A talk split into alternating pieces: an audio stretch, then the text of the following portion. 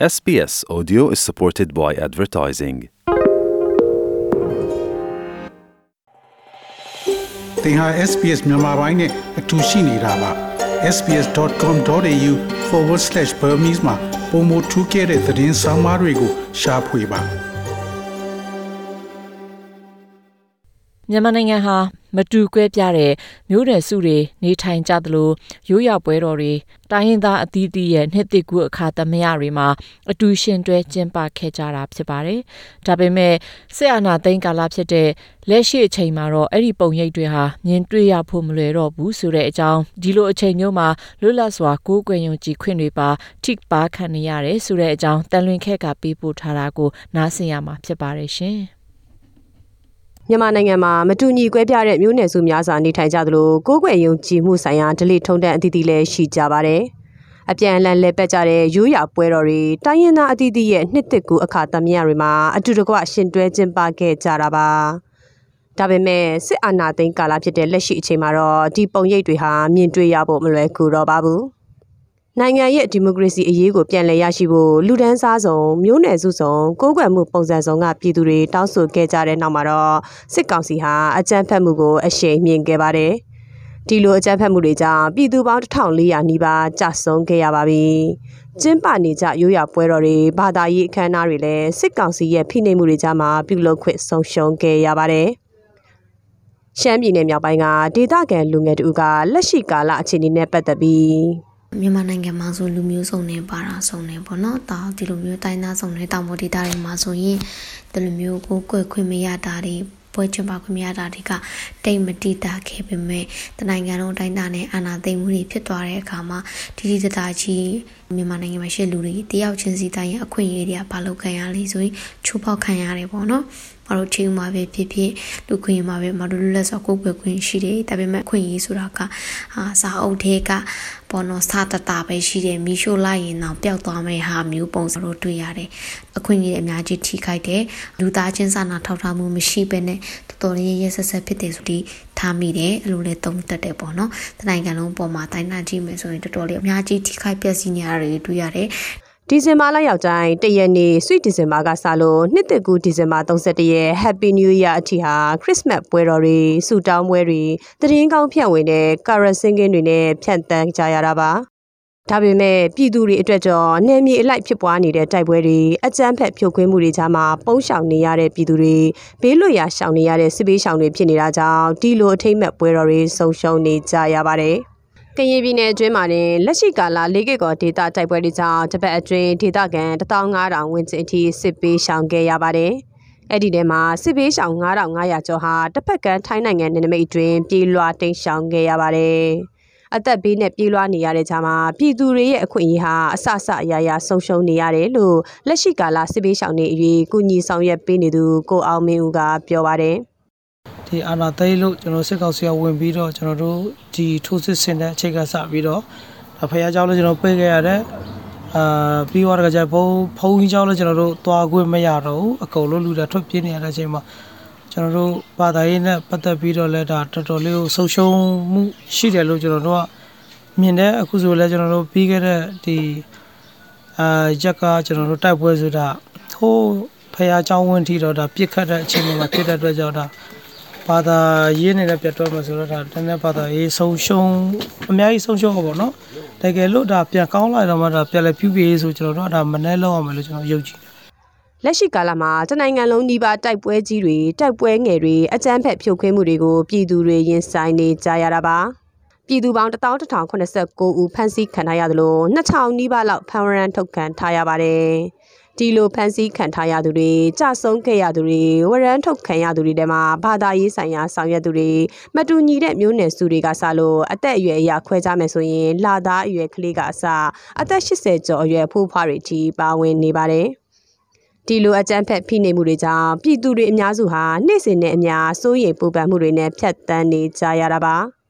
လူမျိုးရေးပဋိပက္ခကိုဥတီစေနိုင်တဲ့ထူးခြားဖြစ်စဉ်တွေကိုရခိုင်ပြည်နယ်မှာဆက်တိုက်တွေ့လာတာကြောင့်တတိထားဖို့လိုအပ်ကြောင်းရခိုင်မျိုးသားအဖွဲ့ချုပ် ULA ကဒီဇင်ဘာ18ရက်မှာထုတ်ပြန်ခဲ့ပါတယ်။ရခိုင်ပြည်နယ်ပေါက်တော်မြို့နယ်မှာရှိတဲ့တမိုင်းဝင်စံတော်ရှင်ပွဲတော်ကျင်းပမဲ့ရက်မှာလဲစစ်ကောင်စီရဲ့တပ်တွေကလမ်းပြင်မှုရောက်လာပြီးဖျားဘူးပြည်သူတွေကိုစစ်ဆေးမေးမြန်းတာတွေရှိခဲ့ပါတယ်။ဒီလိုစစ်ကောင်စီရဲ့အဖိနှိပ်အကြမ်းဖက်မှုတွေနဲ့ပတ်သက်ပြီးလူငယ်ရေးရာလှုပ်ရှားမှုတွေမှာဥဆောင်သူတို့က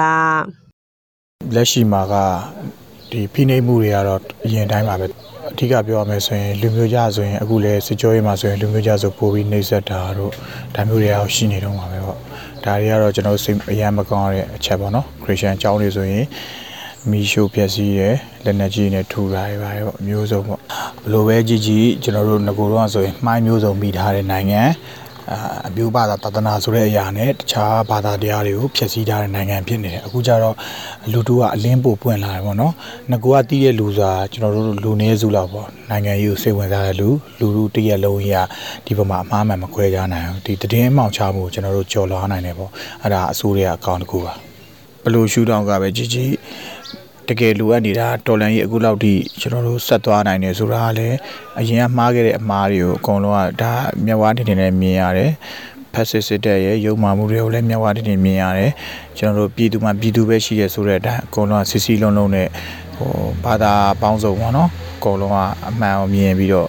ရိုဟင်ဂျာအရေးဆိုလဲရိုဟင်ဂျာတွေကဒီဟာမှာသူတို့ရဲ့ဖြစ်ခဲ့တဲ့ကိစ္စကိုတော့မှနောက်မှထားပြီးတော့ဒီဟာမှာအာတက်တွေရောပြန်ပါလာတဲ့ကိစ္စကိုပါဆိုအားလုံးဝမ်းသာမှာပါတကယ်ရဲ့တကယ်ရဲ့အနာတကယ်ရဲ့အရင်ပြကပဲရလဲဆိုတာသူတို့တွေးရှိသွားတယ်ဆိုတော့ကျွန်တော်တို့ကဒါတော်တော်တန်နေလို့တော့ပြောရပါတယ်ဆုံးရှုံးတာတွေကတော့ရှိတော့ အာနာသိန်းကာလအတွင်းတိုက်ပွဲတွေပြင်းထန်တဲ့ဒေသတွေမှာပါဝင်တဲ့ကရင်ပြည်နယ်ချင်းပြည်နယ်အတွင်းမှာတင်လက်နက်ကြီးထိမှန်ခံရတဲ့ဖျားเจ้าတွေအသင်းအုပ်ရဲ့နေအိမ်တွေပါဝင်ဘာသာရေးဆိုင်ရာအဆောက်အဦတွေများစွာရှိခဲ့ပါတယ်။အကြမ်းဖက်ဖြုတ်ခွင်းမှုတွေကြားမှာလည်းမြို့ပြမှာရှိတဲ့အစ္စလမ်ဘာသာဝင်တွေရဲ့ဗလီတွေဟိန္ဒူဖျားเจ้าဝင်တွေအထိစစ်ကောင်စီကကျူးကျော်ဝင်ရောက်ဖမ်းဆီးခဲ့ကြတာပါ။ ကချင်ပြည်နယ်မြကြီးနားကခရစ်ယာန်ဝင်းတွေမန္တလေးမြို့ကဖုံးတော်ကြီးကျောင်းနဲ့မေဒီလာရှင်စာတင်တိုက်တွေအထိလည်းဝင်ရောက်အကြမ်းဖက်ခဲ့ကြပါတယ်။ပြီးခဲ့တဲ့နိုဝင်ဘာလကုန်တွင်မှာပဲကရင်ပြည်နယ်နောင်ရခရီးယန်ကျောင်းတိုင်းခရစ်စတူးဘုရင်ဖျားကျောင်းတော်ကိုစစ်ကောင်စီရဲ့တပ်တွေကအဝင်အထွက်ပိတ်ပင်ကတပ်ဖွဲ့လိုက်တနက်ချိန်ကချိန်ချောက်ခဲ့ပါတယ်။ဘာသာရေးဆိုင်ရာတွေကိုစစ်ကောင်စီရဲ့ချိုးဖောက်မှုတွေနဲ့ပတ်သက်ပြီးဝင်ကြီးဟောင်းတူကစစ်ကောင်စီကိုဟိုတိုက်ရိုက်ဆန့်ကျင်တဲ့ စကားတွေပြောဆိုမှုတွေရေးသားချက်တွေဆောင်ရွက်ချက်တွေလုံးလို့မရယူဒီမကဘူးတန်တရားရှိရင်တောင်မှနော်ဟိုစစ်ကောင်စီဘက်ကပြစ်ချင်လို့ပြစ်လို့ရတဲ့အနေအထားမျိုးဖြစ်တယ်ဟိုတပ်ဖြတ်ခံတဲ့ကိစ္စတွေကနေရာတိုင်းမှာရှိနေတယ်ပဲအဲ့တော့ထိုနီတူဆိုပဲတင်းပြင်းနေတဲ့အထဲမှာလည်းပဲဒီတိုင်းပဲအသင်းတော်တွေဟာလည်းပဲစောင့်ကြည့်ခံရတာပဲအသင်းတော်မှာရှိတဲ့သေယုတ်ဆရာတွေရဲ့လှုပ်ရှားမှုတွေဆောင်ရွက်မှုတွေကိုလည်းပဲစောင့်ကြည့်နေတာပဲအဲ့တော့ဘယ်သူမှလုံလုံခြုံခြုံအေးအေးချမ်းချမ်းနဲ့ နေလို့ရတဲ့အနေအထားမျိုးလုံးဝမရှိဘူးနော်အဲ့တော့ဟိုစစ်အာဏာသိမ်းလိုက်တဲ့ချက်ကြောင့်မလို့ပြည်သူတွေရဲ့အခွင့်အရေးရှိသမျှဘာသာရေးဆိုင်ရာအခွင့်အရေးကအစပေါ့နော်အခွင့်အရေးရှိသမျှဟိုရိုက်ချိုးငင်းပယ်ငင်းဆန်နော်အာခံနေရတဲ့အချိန်မျိုးမှာခရိယန်အသင်းတော်တွေရဲ့အခွင့်အရေးတွေဟာလည်းပဲတူနီးတူစွာပဲနော်ဟိုငင်းဆန် impact ကနေတခြားမျိုးရှိတယ်။ချင်းပြည်နယ်အတွင်းမှာလက်နက်ကြီးကြီးထိမှန်ခံရပြီးတမျိုးလုံးနီးပါးမီးလောင်ကျွမ်းခံခဲ့ရတဲ့ထန်တလန်မြို့မှာတွင်မီးရှို့ဖျက်ဆီးခံထားရတဲ့ခရီးရန်ဖျားကြောင်၄ကြောင်ရှိပါပြီ။ဒုတိယသမ္မတဟင်နရီဗန်တီယူရဲ့ဇနီးဖြစ်သူဒေါက်တာရွှေလန်းတို့ရဲ့အသင်းတော်ဖြစ်တဲ့ United Pentecostal Church ကလည်းဒီဇင်ဘာ၄ရက်ကမီးလောင်ပျက်စီးခဲ့ရပါပြီ။ကြအပြင်ပြည်သူတွေရဲ့နေထိုင်ရာအိမ်450ကျော်လည်းပျက်စီးခဲ့ရတယ်လို့ဒေသခံအဖွဲ့အစည်းတွေကထုတ်ပြန်ထားပါတယ်။ အာနာသိန်းကာလအတွင်းမှာစစ်ကောင်စီရဲ့အကြမ်းဖက်မှုတွေကြားခရစ်ယာန်ဖျားเจ้าတွေပုံမထိခိုက်ပျက်စီးခဲ့ရတယ်လို့ချင်းပြည်နယ်ဝန်ကြီးဟောင်းတူဖြစ်သူဆလိုင်းအိုက်ဆက်ခင်ကဆိုပါတယ်။ ကျွန်တော်ဆက်အနာသိမ့်ပြီးတဲ့နောက်မှာအဲစစ်ကောင်စီအနေနဲ့အထူးသဖြင့်ဒီဘာသာရေး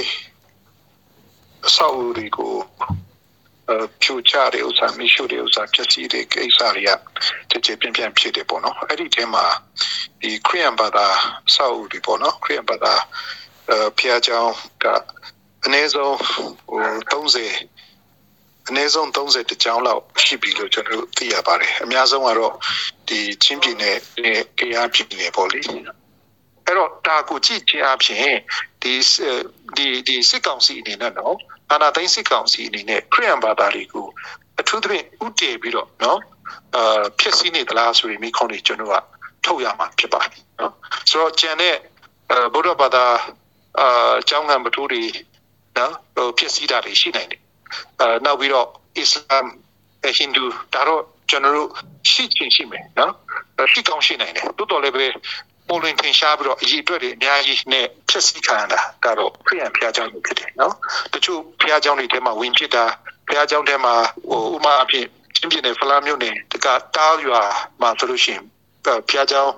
အဲထဲမှာဝင် stay ချပြီးတော့နော်ဒီနေ့ပပတွေမျိုးစုံလောက်သွားတဲ့ကိစ္စမျိုးတွေဒါတွေရှိတာပေါ့လေဒီ granny ပေါ့ခရီးပြင်းနေဖက်မှာဆိုလို့ရှိရင်လည်းဘုရားကျောင်းထဲကို နော်ဟိုပြစ်ခတ်တာနောက်ပြီးတော့ဖျားကြောင်းတဲ့အတင်းအဓမ္မဝင်ပြီးတော့ဟိုပြစ်ခတ်သွားတဲ့အတွက်ကြောင့်မလို့လူတွေအသက်သေဆုံးရတဲ့ကိစ္စတွေအဲ့လိုမျိုးပေါ့နော်ကြုံတွေ့ရတဲ့အနေအထားရှိရှိပါတယ်မြန်မာနိုင်ငံဟာဘာသာပေါင်းစုံလူမျိုးပေါင်းစုံအတူတကွရှင်တွဲနေထိုင်ခဲ့ကြတာနှစ်ပေါင်းများစွာကြာမြင့်ခဲ့ပါပြီ။အာဏာရှင်စနစ်နဲ့ဖျက်ဆီးခဲ့ကြရတဲ့စစ်အုပ်ချုပ်ရေးစနစ်ကြားမှာပြည်သူတွေအတွက်တော့ဖိနှိပ်မှုများစွာနဲ့ဖျက်ဆီးခဲ့ရပါတယ်။ လက်ရှိနေဦးတော်လှန်ရေးလှုပ်ရှားမှုအလွန်မှာစစ်မှန်တဲ့ဒီမိုကရေစီစနစ်ကိုရရှိဖို့လွတ်လပ်စွာကိုးကွယ်ယုံကြည်권တွေကိုပြန်လည်ပိုင်ဆိုင်ဖို့ဟာလူဒန်းစားအားလုံးရဲ့မျှော်လင့်ရာဖြစ်နေပါတယ်။လက်ရှိနေဦးတော်လှန်ရေးလှုပ်ရှားမှုအလွန်မှာစစ်မှန်တဲ့ဒီမိုကရေစီစနစ်ကိုရရှိဖို့လွတ်လပ်စွာကိုးကွယ်ယုံကြည်권တွေကိုပြန်လည်ပိုင်ဆိုင်ဖို့ဟာလည်းလူဒန်းစားအားလုံးရဲ့မျှော်လင့်ရာဖြစ်လို့နေပါတယ်။ဒီသတင်းဆောင်မကိုတန်လွင်ခက်ကပေးပို့ကြတာဖြစ်ပါတယ်။ ဒါမျိုးသတင်းဆောင်မတွေကိုပိုနားဆင်လိုပါလား Apple Podcast Google Podcast Spotify တို့မှာသင်ပင်ရာဖြစ်ဖြစ်ရယူတဲ့ podcast ကနေပါ